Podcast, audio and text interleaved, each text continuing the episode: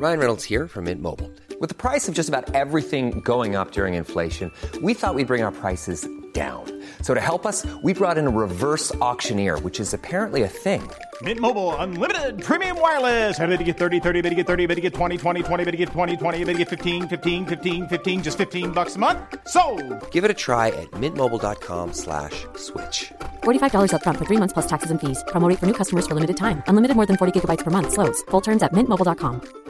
I'm Sandra, and I'm just the professional your small business was looking for. But you didn't hire me because you didn't use LinkedIn jobs. LinkedIn has professionals you can't find anywhere else, including those who aren't actively looking for a new job but might be open to the perfect role, like me. In a given month, over 70% of LinkedIn users don't visit other leading job sites. So if you're not looking on LinkedIn, you'll miss out on great candidates like Sandra. Start hiring professionals like a professional. Post your free job on linkedin.com/people today.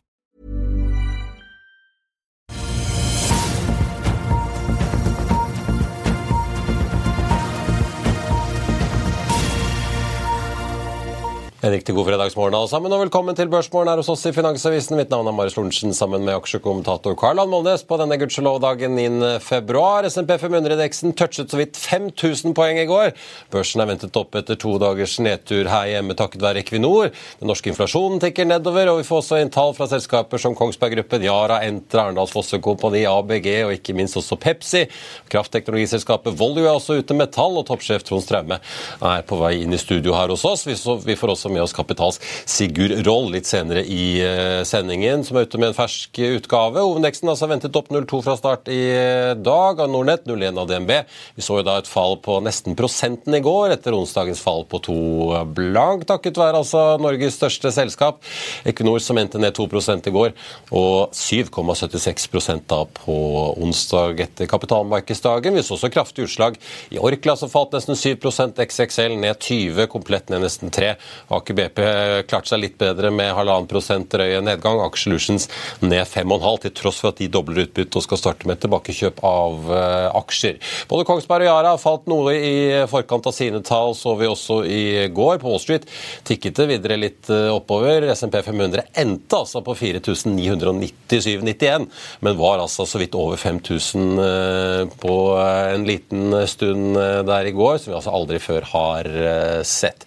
Ellers så ser det ut til at de amerikanske indeksene, litt avhengig av dagen i dag, hvis det ikke i hvert fall går altfor galt, så legger de altså bak seg sin femte uke med oppgang.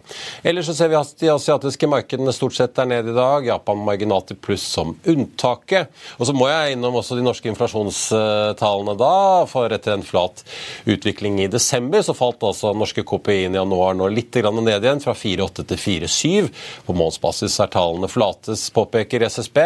Årstallene tikker nedover takket være biler og drivstoff. Bilene ble jo en god del dyrere i januar 2023, så vi har jo en grei sammenligning inn mot 2024. Nye avgifter i år bidro isolert sett til en økning på 0,1, opplyser også SSB. Og Tar vi bort avgiftene og energipriser og ser på kjerneinflasjonen, så falt den altså fra 5,5 til 5,3 over det nye året, akkurat som konsensus fra Bloomberg. DNB Markets hadde ventet at uh, priskrigen i dagligvare skulle presse kjerneinflasjonen helt ned i 5,2. For maten har jo da tross alt blitt 8,8% dyrere på et uh, år. God morgen, uh, Karl Johan. Jeg vet ikke om vi skal bestille oss sånne capser med SMP uh, 5K? Ja? Jo, det, det, er mulig å gjøre det. Det er like rundt hjørnet, så det kommer til å gå over der ganske snart, ja. Jeg så en oppsummering. Vi skal kaste oss over Yara og Kongsberg. Jeg bare tenkte uh, CNBC hadde opptelling. Altså, det er rapportert så langt 319 av 500 SMP 500-selskaper. 81% overgått estimatene. Vanligvis historisk snitt er på 67, så det virker jo å gå uh, ganske bra. Da. Arm uh, har jo stått denne brikkedesignprodusenten som ja. gikk på børs i fjor høst. Veldig, veldig blanda. Men det, det, det, det, som kjennetegner er altså, enormt store utslag. Da. Og når de gangene kursen har sprått opp, så har det typisk feida uh, etterpå. Men det har også vært store utslag. Det, det, er ikke uvanlig at det er store utslag, men denne gangen har det vært veldig mye. Men to to opp, og for hver som har gått ned. da, Ja. Store utslag. Nei, ARM er jo i ferd med å bli eh, sette verdensrekorder her. altså den, den kom jo på børs til handlet til 20 ganger sales, og nå, etter eh, de tallene som kom nå, så handlet det 40 ganger sales. Den gikk opp med 60 i går. Og dette her er jo, da Jeg har skrevet kommentar om det, det er jo den største bobleblåseren. Jeg regner med at dette kom til å skje. da. Så jeg satte jo, satte jo med en gang og skrive, og da var jo kursen opp 20% i førmarkedet. Jeg trodde aldri det skulle gå opp med 60% men det viser jo hvilke krefter som er. Det som styrer dette, her er jo at eh, det er jo bare 10 av aksjen som er i fri flyt, og det er en lockup som går ut i, eh, i mars. og Da er det handelsroboter, og det er jo Citadel og de andre tjener masse penger. De bare løfter kursen, handler med seg selv, og til slutt da så, så når, når eh, Softbank da skal selge aksjene, så kommer folk til å kjøpe, for ingen som bryr seg om prisen på aksjene lenger. Men det, det vil jo komme et tidspunkt. Dette her kommer jo til å tryne noe helt spektakulært. fordi at det, dette er jo et selskap som bare leverer design til eh, chips. og Selv om de guider opp inntektene fra de har hatt Ja, for flat- Sammenlignet med Nordic Semiconductor så er guidingen ganske pen, altså. ja, det, ja, de har guidet, men de har guidet for De har hatt det relativt flat utvikling, rundt eh, litt over 3 milliarder dollar i sales. Og, eh, og nå guider de opp imot eh, liksom 4 milliarder dollar da, eh, eh, fremover til neste år. Og, og, og eh, løfter EPS-en i år bare med 10 Det er jo ingen verdens ting. Og Scott McNeely i Sun Microsystems, det er bare å google hva han sa når eh, hans aksje var omsatt til ti ganger sales. Han spurte hva var det dere tenkte. Tenk om, selv om jeg kunne betale ut alle inntektene jeg har hatt eh, de, de neste ti årene, så ville ikke det diskontert den aksjen. Og da, da måtte jeg ikke gitt lønn til min ansatte, jeg måtte la være å betale skatt og ingenting. Hva, hva, hva tenker dere på? Du kom på børs til 20 ganger sales, og nå spretter aksjen opp til 40 ganger sales. Dette her er helt crazy. Men, men Citadel kommer til å tjene masse penger på dette. her, og De som kommer til å tape penger, det er småaksjonærene og de som har puttet pengene inn hos forvaltere som ikke forteller dem hva de eier. Det er noen som alltid blir sittende igjen med regninga.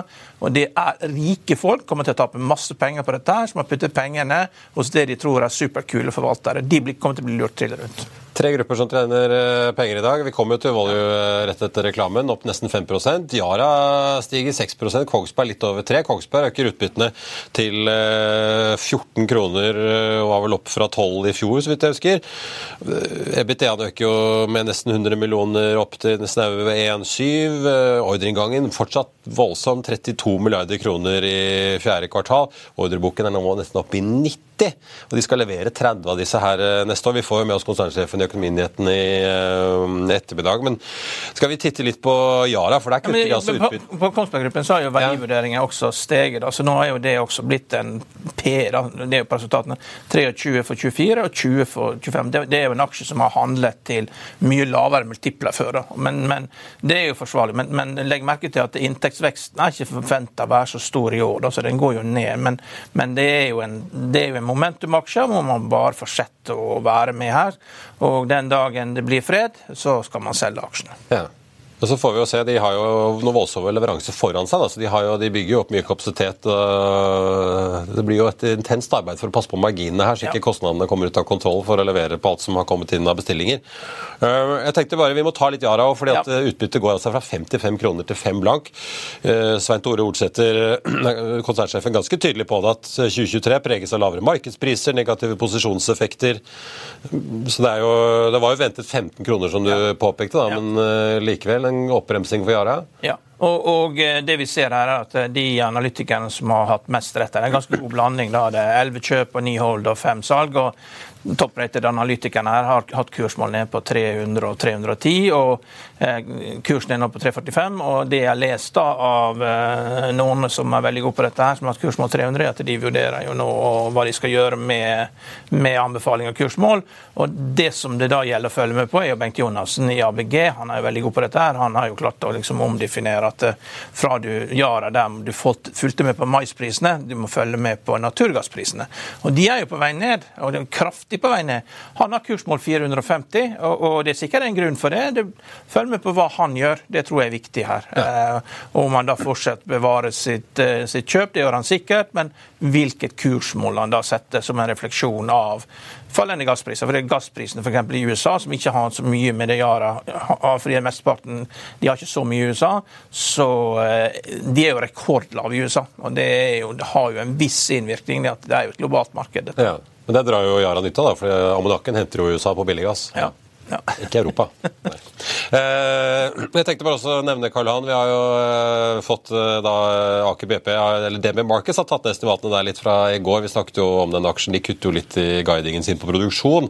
Nedjusterer kursmål der med en tier til 3,25. Den ligger eh, litt grann opp i dag eh, foreløpig til 2,65,40. Hovedindeksen starter opp 0,2.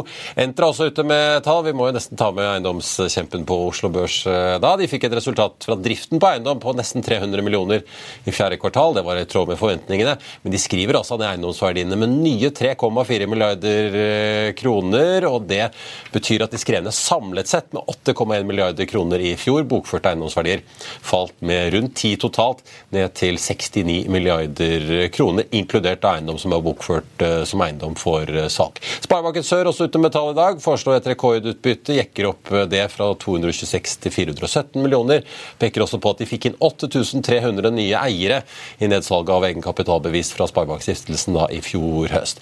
I går kveld kom det tall fra Oddfjell. De melder også om et rekordår for eh, dem. Og så tenkte jeg også bare å nevne lite tips vi fikk fra analytiker Hans Jørgen Elnes for de som sitter som investorer i Norse Atlantic. Islandske Play, som opererer i litt samme segment og som også flyr til USA, de slapp tall i går. De sier at eh, de ikke bare ble rammet av vulkanutbruddene på Island, men at de også merket en oppbremsing i markedet generelt utover høsten etter sommerferien i fjor. De peker på uroen i Midtøsten, inflasjon og dyrt eh, drivstoff. Og selv om de økte omsetningen kraftig i eh, fjor, så går de fortsatt i underskudd. Dropper også opsjonen på å få to fly til inn i flåten i 2020. 2025, selv om da langsiktige planen fortsatt er å doble flåten fra 10 til 20. Eh, Selskapet skriver at de likevel ser gode bookingtall nå og har god tro på sommersesongen, men noe overskudd det guider de ikke lenger for i 2024. Vi er tilbake med sjefen i Volue rett etter dette. Vil du bli oppdatert på det viktigste som har skjedd innen finans og næringsliv? Da er det bare å følge med, for hver morgen er jeg, Marius Lorentzen og aksjekommentator Karl Johan Malnes på plass i studio for å ta tempen på dagens marked i Børsmorgen. Og hver ettermiddag oppsummerer vi alt du trenger å vite i økonominyhetene, og det blir selvfølgelig masse interessante gjester. Klikk deg inn på fa.no-tv, eller søk opp Børsmorgen og Økonominyhetene der du hører på podkast.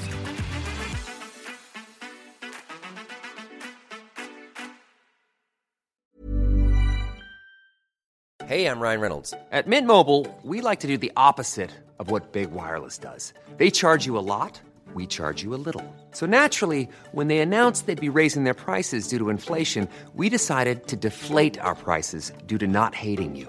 That's right. We're cutting the price of Mint Unlimited from $30 a month to just $15 a month. Give it a try at mintmobile.com slash switch. $45 upfront for three months plus taxes and fees. Promo for new customers for limited time. Unlimited more than 40 gigabytes per month. Slows. Full terms at mintmobile.com.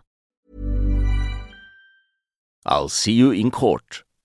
Vi sier det ofte litt på spøk, men for deg som driver business, er det aldri moro å innse at du ikke har laget en 100% gyldig kontrakt. Du bør ikke risikere hele firmaet ditt fordi du synes dette med kontrakter er litt stress. En avtale er ikke en avtale. Du kan miste kunder, miste venner, ja, til og med miste inntekter om du ikke lager en skikkelig kontrakt, på alt mulig, egentlig. Men vi vet det er et styr kopimaskiner, tregprinter og haugevis av papir. Dessuten stoler vi jo på folk her i landet. Det er ofte litt kleint å skulle be om en signatur for alt mulig, ja, for mye av styret handler også om jakten på underskriften. Det finnes en enkel måte å løse dette på, Dukkobit, en trygg, effektiv og get this, gratis måte å sikre seg en god natts søvn pluss en juridisk bindende avtale. Dukkobit-appen har de strengeste sikkerhetskrav i bunn, samt en EU-godkjent og sertifisert teknologi. Framover vil det bli behagelig å spørre du, skal vi skrive under på det, eller? Kom i gang på dukkobit.no. Da skal vi ta oss og ta inn dagens første gjest. Sparebank Markets tok opp dekning på dette selskapet så sent som 24.1, med kjøpsanbefaling om kursmål 28 kroner. Nå ligger den på 24,90, opp nesten 5% Administrerende direktør Trond Straume, velkommen og god morgen. Takk for det. Eh, kanskje vi skal ta en kort recap for de som ikke kjenner til Volue. Dere ligger jo under Arendal Fosse-paraplyen. Kraftteknologi er selskap, har jeg kalt dere. Er det riktig? Ja, Det syns jeg er riktig. Vi er et uh, selskap uh, som ble etablert i 2020, men vi har en historie helt tilbake fra 1969. og Ble spunnet ut av Sintef Energi midt på 90-tallet. Det er fokus på kraftproduksjon og kraftdistribusjon, som er to av tre fokusområder. Så er vi også innenfor infrastruktur, innenfor konstruksjon og vann og avløp. Ja. Og selge løsninger til kraftbedrifter, det er kraftprodusenter som skal sitte og by inn i disse auksjonene i et marked med stadig mer svingende priser, virker det som, mer uregulerbar fornybar kraft? Ja, Det er jo, et, det er jo en, et, et, industrisegment som på mange måter har vært eh, ganske i ro i, i 100 år. Men de siste ti år har det skjedd en dramatisk utvikling, og Norge har vært veldig ledende. Så den teknologien som vi har bygd opp eh, for det norske markedet, har vi nå fått lov å gå ut i Europa med, lykkes godt, og nå også inn i Japan. Jeg ser jo, eh, Det var jo litt, er sikkert litt tilfeldighet, men jeg ser inntektene vokste med 21% i kvartalet. Marginen endte på 21% justert også. Men dere var jo litt usikre på året, skriver dere jo selv og det har dere skrevet før. Uh, fortell litt om de motvindene som dere var litt bekymret for tidligere, og hvordan det spilte seg ut. I 2022, når eh, krigen i Ukraina brøt ut, så var det et veldig volatilt marked. Så har vi en virksomhet som driver med det vi kaller for Energy Market Services, som hjelper kundene våre, optimalisere uh, produksjon og handel. og Den volatiliteten gjorde at vi fikk et ekstraordinært bra 2022. Så så vi at det inn i 2023 så så vi at vi kom til å få en effekt eh, i andre halvår. Eh, og det fikk vi, eh, men vi klarte å offsette den, den dippen med laserfokus på operasjon.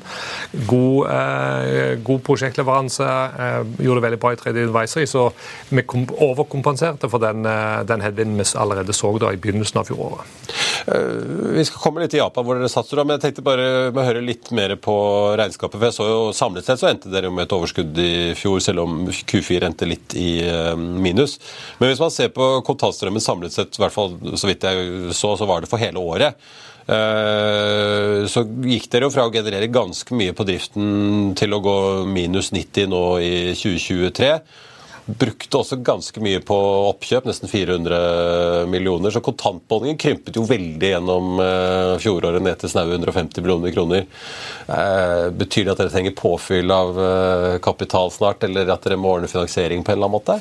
Nei, vi, vi, vi trenger ikke påfyll av kapital for å vokse selskapet organisk. Men det er riktig det. I, i slutten av første halvår så, i fjor så fullførte vi oppkjøp av NRM, som er et selskap innenfor det vi kaller for Energy Market Services eh, basert i Finland. Eh, og det eh, kjøpte vi opp med gjeld. Ja. Men det, altså, med det nivået dere er på nå, da, på kontanter, det, det skal dere klare dere med? Ja da, Hvis vi ser på, hvis vi ser på våre årlige gjentagende inntekter, eller ARR, så er de på et annualisert nivå nå på 1,138 milliarder. Så ja. vi har en veldig bra underliggende kontantstrøm. 174 millioner når jeg skulle Hva er de viktigste kundene dere har? Nei, viktigste konkurrentene dere har? Eh, hvis du ser på konkurrentlandskapet, så den aller største konkurrenten vår det er eh, det vi kaller for inhouse software. Eh, ingen software det er også en konkurrent i noen markeder. Eh, og så har vi også de store OM-ene som Siemens og ABB og GE, som også konkurrerer. Men de konkurrerer på en litt annen måte. de er mye mer opptatt av trygg og god eh, oppetid på det fysiske utstyret. Vi er mer opptatt av optimalisering av throughputen, eller produksjonen av kraft, og eh, handelen med kraft. Så vi har et ganske annerledes verdibudskap som vi opplever er mye mer relevant i et volatilt eh, marked i forandring. Så når en kunde i Spania eller Italia eller, eh, eller Japan velger dere, hvorfor velger de dere og ikke konkurrentene? Ja, det, eh, hvis vi ser på Italia, der eh, rapporterer vi at vi har gått eh, lei med to kunder i, i kvartalet. Um, og Der eh, har vi endt opp i, i konkurranse med andre. Uh, og vi ser når vi når konkurransen uh, går inn i forhandlinger, så ser vi at det er bare én leverandør igjen, og det er oss. Uh, det er fordi at vi er de eneste selskapene som tilbyr denne integrerte verdikjeden. Vi snakker om sen, sen, sensorikk fra produksjon til realisert cash i trading. Det er ingen andre som leverer den integrerte verdikjeden. Og det, er er superrelevant for våre kunder som skal øke topplinja og øke lønnsomhet i et meget volatilt og uforutsigbart kraftmarked. I USA er vel et selskap som heter Quanta Services, som, men de er mye mer tekniske, er det ikke det? det jeg tror det er riktig å si det. Og så ja. ser vi de veldig lite her i Europa. Ja, ok. Men så de, de, bare, de, de, bare, leverer tekniske løsninger for å forbedre ting, men det er ikke noe trading knytta til det? Nei, det er det som eh, jeg tror er litt spesielt med eh, Volue som selskap. At vi har dypt eh, inngående kjennskap til f.eks. Eh, hydrologien i det norske kraftsystemet, men vi har også en veldig bra teknologi for å bidra til en optimalisert produksjon som gir de rette, rette resultatene i krafthandler. og det, Enten så er selskapene fokusert på trading, eller så er de fokusert på produksjon. Vi har den verdikjeden som er avgjørende når markedet svinger fra minutt til minutt. Ja. Men det virker som at det er lange, en konservativ bransje med lange ledetider. For jeg så Dere annonserte jo nå i januar eh, denne kontrakten med en ikke-navngitt aktør i uh, Japan. Jeg vet ikke om du kan si om det er et kraftselskap uh, eller hva, vil jeg kanskje anta. Men du skal kjøre en testpilot gjennom hele 2024 før det da eventuelt blir bestemt og de faktisk bestiller løsningen på permanent basis, da, eller? Ja, altså vi har en, vi har en playbook ja. eh, som vi går inn i nye markeder med. Først eh, så pleier vi å gå inn med løsningen vår på, på Insight-plattformen, som er analyse og prognoser. Der er leddtiden sånn seks timer til seks uker. der har vi fått 20 kunder i Japan i 2023. så har vi en løsning for, for algoritmebasert trading. det er typisk ledetid fra seks uker til seks måneder. full skybasert løsning. Leverte i fjor 50 eh, millioner handler på tyske Apex eh, for våre kunder. Eh, og så beveger vi oss da med den løsningen som heter for Smart Power. Det er optimalisering av kraftproduksjon. Vi bringer hvilken som helst asset-klasse, vind, vann, sol, til hvilken som helst marked. Det være seg day ahead, intraday eller, eller reservemarkedene. Og det, Den siste løsningen den er, den er, det er større løsningen som er mer komplisert å implementere. Men det er en, typisk måte vi gjør det i vår playbook. Helt siden 2013, når vi gikk ut i Europa, så går vi inn eh, med en proof of concept. Så beviser vi eh, at løsningen eh, løfter topplinja med mer optimalisert produksjon og bedre handel. Og vi ser kunder som rapporterer 5% økt topplinje. Det var en kunde som forteller oss at det gir kun 40 millioner euro i økte inntekter per år. Da har du en veldig bra ROI, men her bruker vi en anledning til å drive god bevisførsel. Så lærer vi noe, så blir kunden trygg, og så, og så får vi god Men det, det, det, som er rart, er at I Norge så bruker vi mest strøm om vinteren, og så bruker vi lite om sommeren. Mens i andre land, altså, Europa og Japan også, det er jo aircondition-land. Altså, når Japan stengte ned kjernekraftverkene sine, så måtte folk eh, gå på jobb i korte bukser og T-skjorte. Hvordan er det overførbart det dere kan her nå, til land der at du har en helt annen sesongvariasjon i strømforbruket? Hva, hvordan kan du bruke det du har lært her, da? Det som, det som har sett i eh, Japan, etter de bestemte seg for å stenge av kjernekraften sin, så har de uh, mye mindre det vi kaller for baseload uh, i systemet. Det betyr at de er mye mer avhengig av fornybar energi, som har en veldig stor svinging.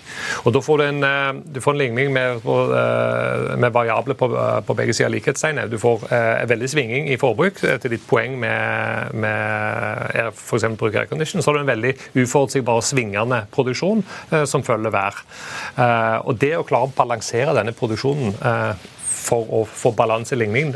Forbruk må alltid være lik eh, produksjon. Det er en veldig krevende øvelse, og da trenger du, eh, da trenger du veldig god software. Og eh, hvis, For de som er spesielt interesserte, sånn som oss, så følger vi med på, på prisene i balansemarkedet i, i, Japan, og det svinger noe helt enormt. Ja. Så de som da klarer å catche de toppene i de korte markedene, de kan tjene riktig gode penger. Den kunden vi har vi har fått nå i fjerde kvartal, det er en av de største kraftprodusentene i Japan.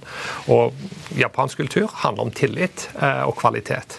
Så det at vi får en av de største, det eh, bærer bud om at her har vi et veldig fint vekstpotensial over tid.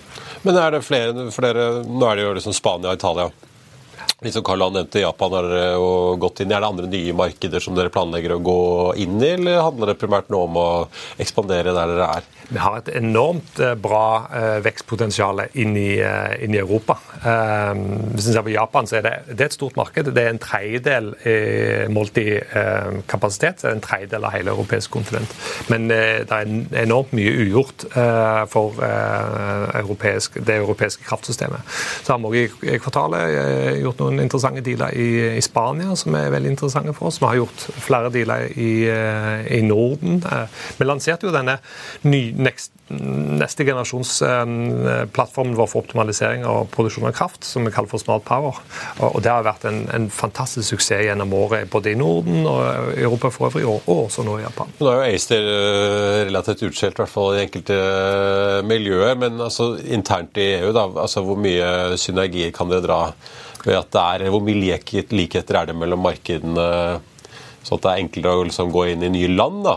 Fordi det er en del av EU, eller er det fortsatt sånn at det er store forskjeller som gjør at dere kunne like godt gått inn i Korea, holdt jeg på å si, eh, fra Japan? da?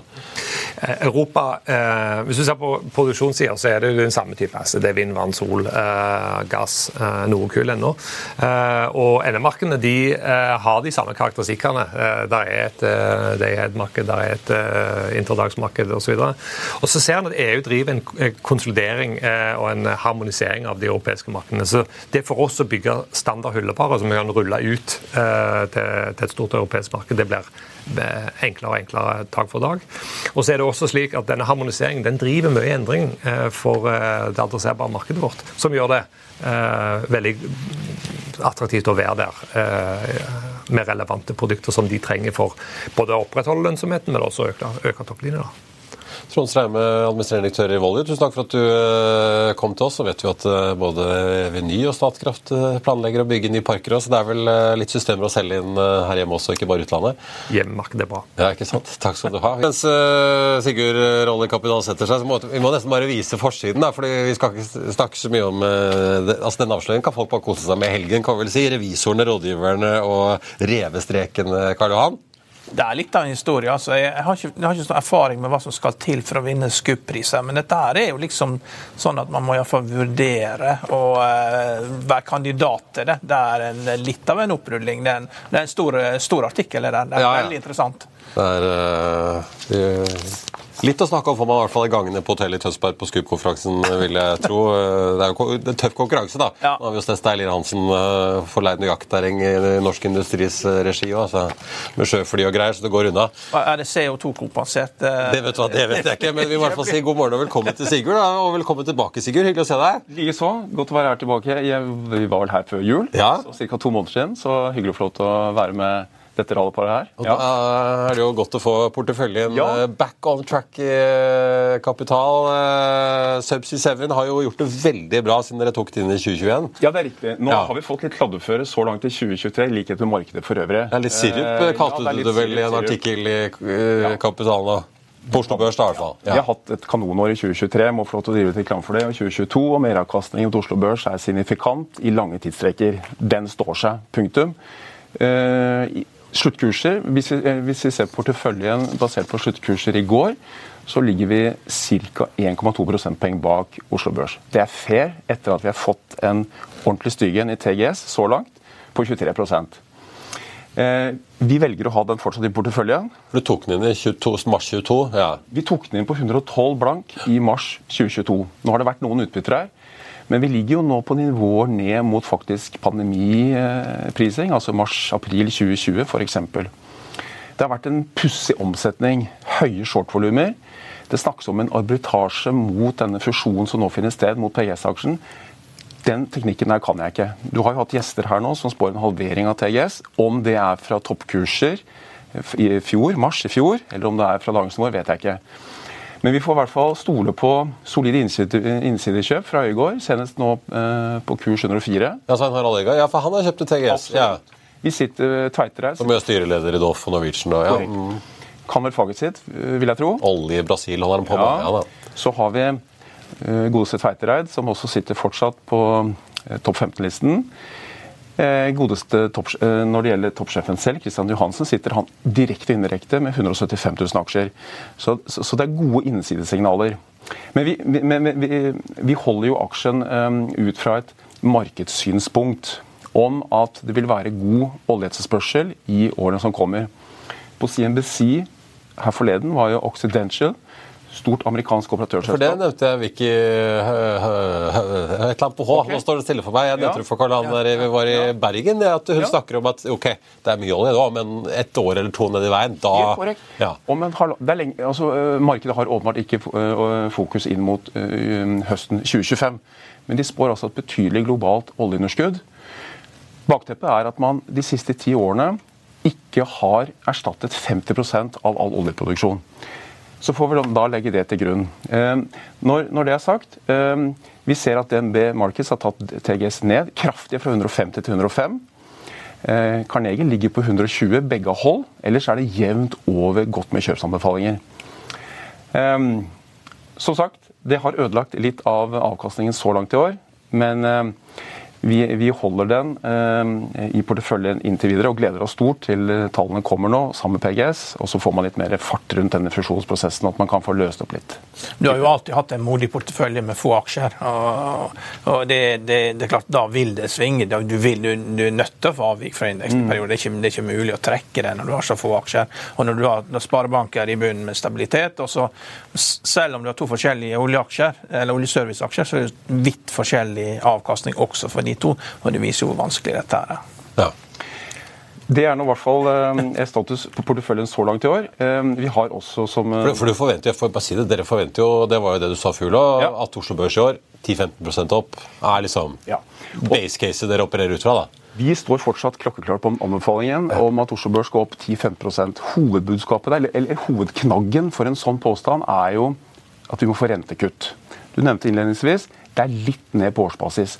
Hvis vi tar de lange linjene og ser hvor viktig renten er for aksjemarkedet Høsten 1992 forlater Norge fastkursregimet, i likhet med for så vidt alle europeiske land. 1993 er et av de sterkeste årene på Oslo Børs. Storebrand kom seg på beina igjen etter Skandia-raidet. Elken ble refinansiert. Det var altså julebordtilstander på Oslo Børs. Så hadde vi Gjedrem eh... 1993 var bare aksjemegleren som tjente penger. ja. Men, men, Ingen andre tjente penger! vi hadde, eh, så hadde vi, hadde vi, i 2001 med Svein Gjedrem som dro i gang årene 2002-2003. Eh, Pandemien likedan. Litt kanskje prematurt og viste rentekutt da, men 2009 et av de sterkeste årene der også. Sidel, Hydro kraftig opp. Det finnes tidsserier som viser at SMP har en opptur i snitt på 5% siden 1970 etter det første initielle rentekuttet fra den amerikanske sentralbanken. Tenk på den. Dere, vi, vi, må nok skaffe oss disse cappene med i, i 5000. Det tror jeg vi lett får. Så, så um, um, rentefølsomheten er, når det først snur, er ganske formidabel hvis vi lener oss på historiske data. Og etter et fantastisk, i hvert fall på de amerikanske indeksene fjorår, eh, hvor sant, SMP ja. var vel 25 ca., ja. Nasdaq ja. og gått opp på 40-tallet, liksom. Så det var jo, Her hjemme var det sånn 9-9, og folk var sånn ja, ja bare 9-9, men altså 9,9 det er jo et ganske ok år det år, liksom. Ja, inflasjonen spiste mye av det, men likevel. Så vi står ved eh, våre prognoser. Ehm, eh, så får vi se når rentekuttene kommer fra USA. Det er ganske høy lønnsvekst der. De har en årsvekst nå på 4,5 Det er opp fra forrige måling eh, i desember. City spår vel i hvert fall at den europeiske sentralbanken skal kutte innen høsten 2025 med 2,5 prosentpoeng. Riksbanken har skissert kutt allerede fra juni. Her hjemme er det vel Swedbank som er mest aggressive, med tre rentekutt. Nå får vi se om det kommer noen nye prognoser der. Norges Bank selv sier vel eh, at vi starter i år, men det blir sent på året. Så vi står fast på våre prognoser. Eh, den er foreløpig eksponert godt mot olje og oljeservice. Og så ligger det bærende element. Det er rentekuttene. Men, men, vi må snakke litt om, om Crayon også. Det er jo den femte aksjen i porteføljen. Mm. Da har jo du vist innsikt til at du husker at uh, stifteren var venstreback i ishockey på Vålerenga. Ja, ikke sant? Rugset. Og, og uh, hva er det som har skjedd der i det siste? Hva er det som gjør at du fortsatt beholder den uh, aksjen i porteføljen? Hva, fordi Crayon er en aksje der det er veldig mange forskjellige oppfatninger. Noen elsker det, og andre er liksom sånn litt sånn Dette her, jeg vet ikke helt hva det er. Og det er jo ikke så lenge siden den kom inn september 23. ja. Nei. Du, der vil jeg svare litt sånn overordnet, som vi snakket om sist før jul. Ja. Det er jo et selskap som nå, når tallene kommer, må vise til en betydelig bedring av arbeidskapitalen. Ja. Um, um, det har vært lite nyheter rundt selskapet. Den er blitt tatt inn i en del modellporteføljer blant analytikerne. Det er jevnt over oppjusterte kursmål på bred basis. Det som skjedde i Nordic Semiconductor, er et helt annet segment. Øker sannsynligvis risikoen for å ta i aksjene før tallene kommer. Vi har, den i, vi, vi har en smal portefølje. Vi kan ikke ha flere enn fem aksjer. Men vi må ha litt teknologi i et rentekuttscenario. Det er den sektoren som antageligvis er mest altså sånn føl, følsom i positiv forstand når rentene kommer ned.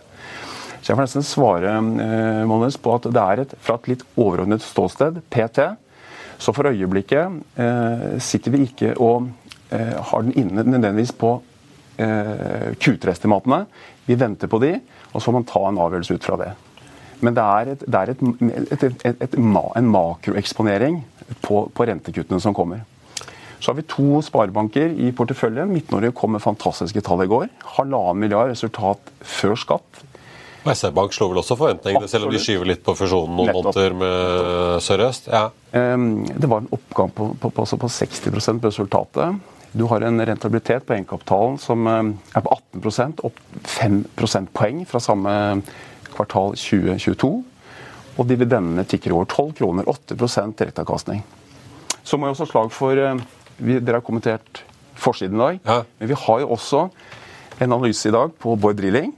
Um, den har vært en god bidragsyter i porteføljen i både 2022 og 2023. Ikke 2020. Timingen her er viktig.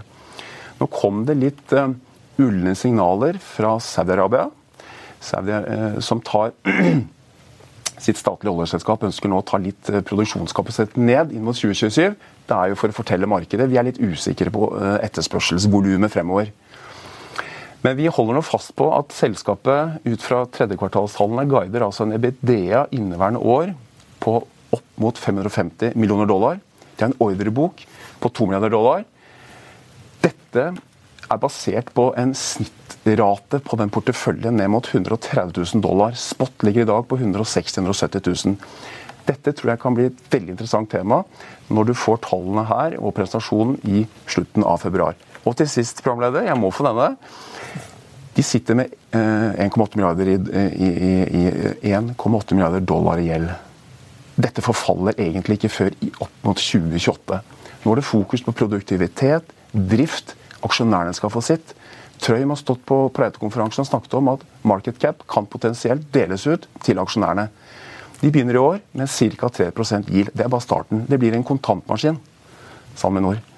Så vi er i hvert fall ute med den i dag. Så får vi se om, eh, jeg, ja. Jeg noterer meg det. for jeg, Det jeg tenkte du skulle si var at uh, Dere har jo neste kommentar fra rigg-analytiker Stian Vibstad i ABG. og uh, De forventer jo etterspørselsvekst både for flytere og jackup, som Bård driver med. Ja. I forrige nummer hadde vi en veldig god gjestkommentar fra, fra godeste Vibstad. og Hovedbudskapet der er jo nytt år, nye gode rater, god markedsbalanse. Det tas litt tilbake til Bård Drilling. 13 av porteføljen er mot Eh, eh, mot, mot Saudi-Arabia. Eh, så det er på en måte en, en, en liten hemsko. Men som Fearnley også skriver i et notat i deres analyse, altså, Så vidt jeg har forstått på Fearnley, så er jo argumentet der at det er såpass god etterspørselsøkning i andre regioner. Sørøst-Asia, Vest-Afrika, Nordsjø. Og i deres modellark så er det ikke lagt inn så nevneverdig økning fra eh, nevnte operatørselskap. Og Det er også det Vibstad tegner opp i sin neste kommentar. Et godt marked, god, eh, god rateutvikling for jacket-markedet. Så det, blir, det blir Subsea 7 og som rykker ut på et eller annet tidspunkt når du skal ha en vår. For du kan jo ikke ta ut TGS nå, når du skal vente på at den skal bli bedre. Nei, Vi får se her, Molnes. Jeg får komme tilbake her med noen Det er innsideinformasjon. Ja. Så jeg sitter og deler hva han har tenkt å gjøre. Ja, men Du har jo to av fem. Du kan ikke ha tre av fem. Det kan du ikke. Nei, det kan du ikke. Nei. Og du har, eh, det er jo helt Når det gjelder oljeprisen på kort sikt, jeg har jo tatt opp det flere ganger her, selvfølgelig er den sårbar. Det ligger hensyntatt all politisk risiko nå, at den ikke er høyere. Det er ikke et godt tegn. Så på kort sikt veldig stor usikkerhet oljepris. Det må hensyntas porteføljen. Men uh, vi nevnte i sted litt det lange bildet. Det ser unektelig bra ut, da. Ja. Mm.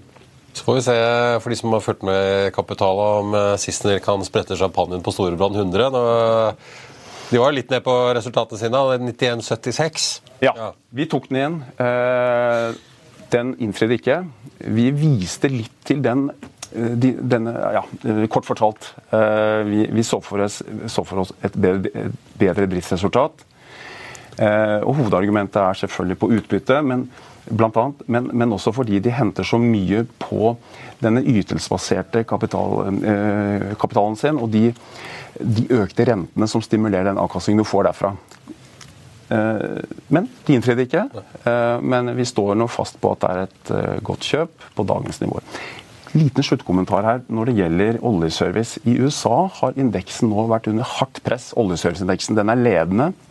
Så det, Der har vi sett en utflatning siste uke, opp 2,5% Og Siste uke har det også vært en utflatning i Borr etter denne meldingen. Vi tok den inn etter dette her på rundt 66 kroner. Ligger litt under det. Men jeg syns de to-tre siste dagene har det også vært litt mer fastere grunn i TGS. Så får vi se om det skjer et lite momentumskifte innenfor den sektoren her, da.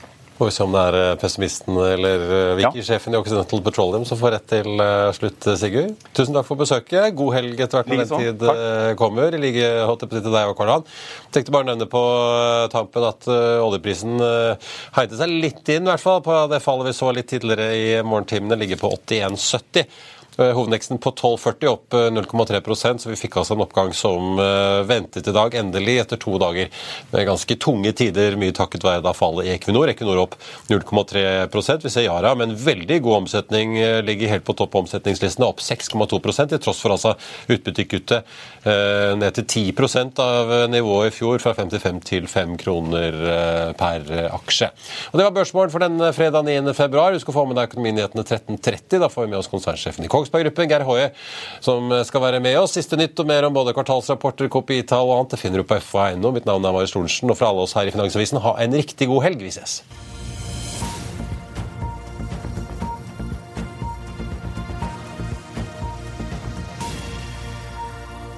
Økonominyhetene er en podkast fra Finansavisen. Programledere er Marius Lorentzen, Stein Ove Haugen og Benedikte Storm Bamvik.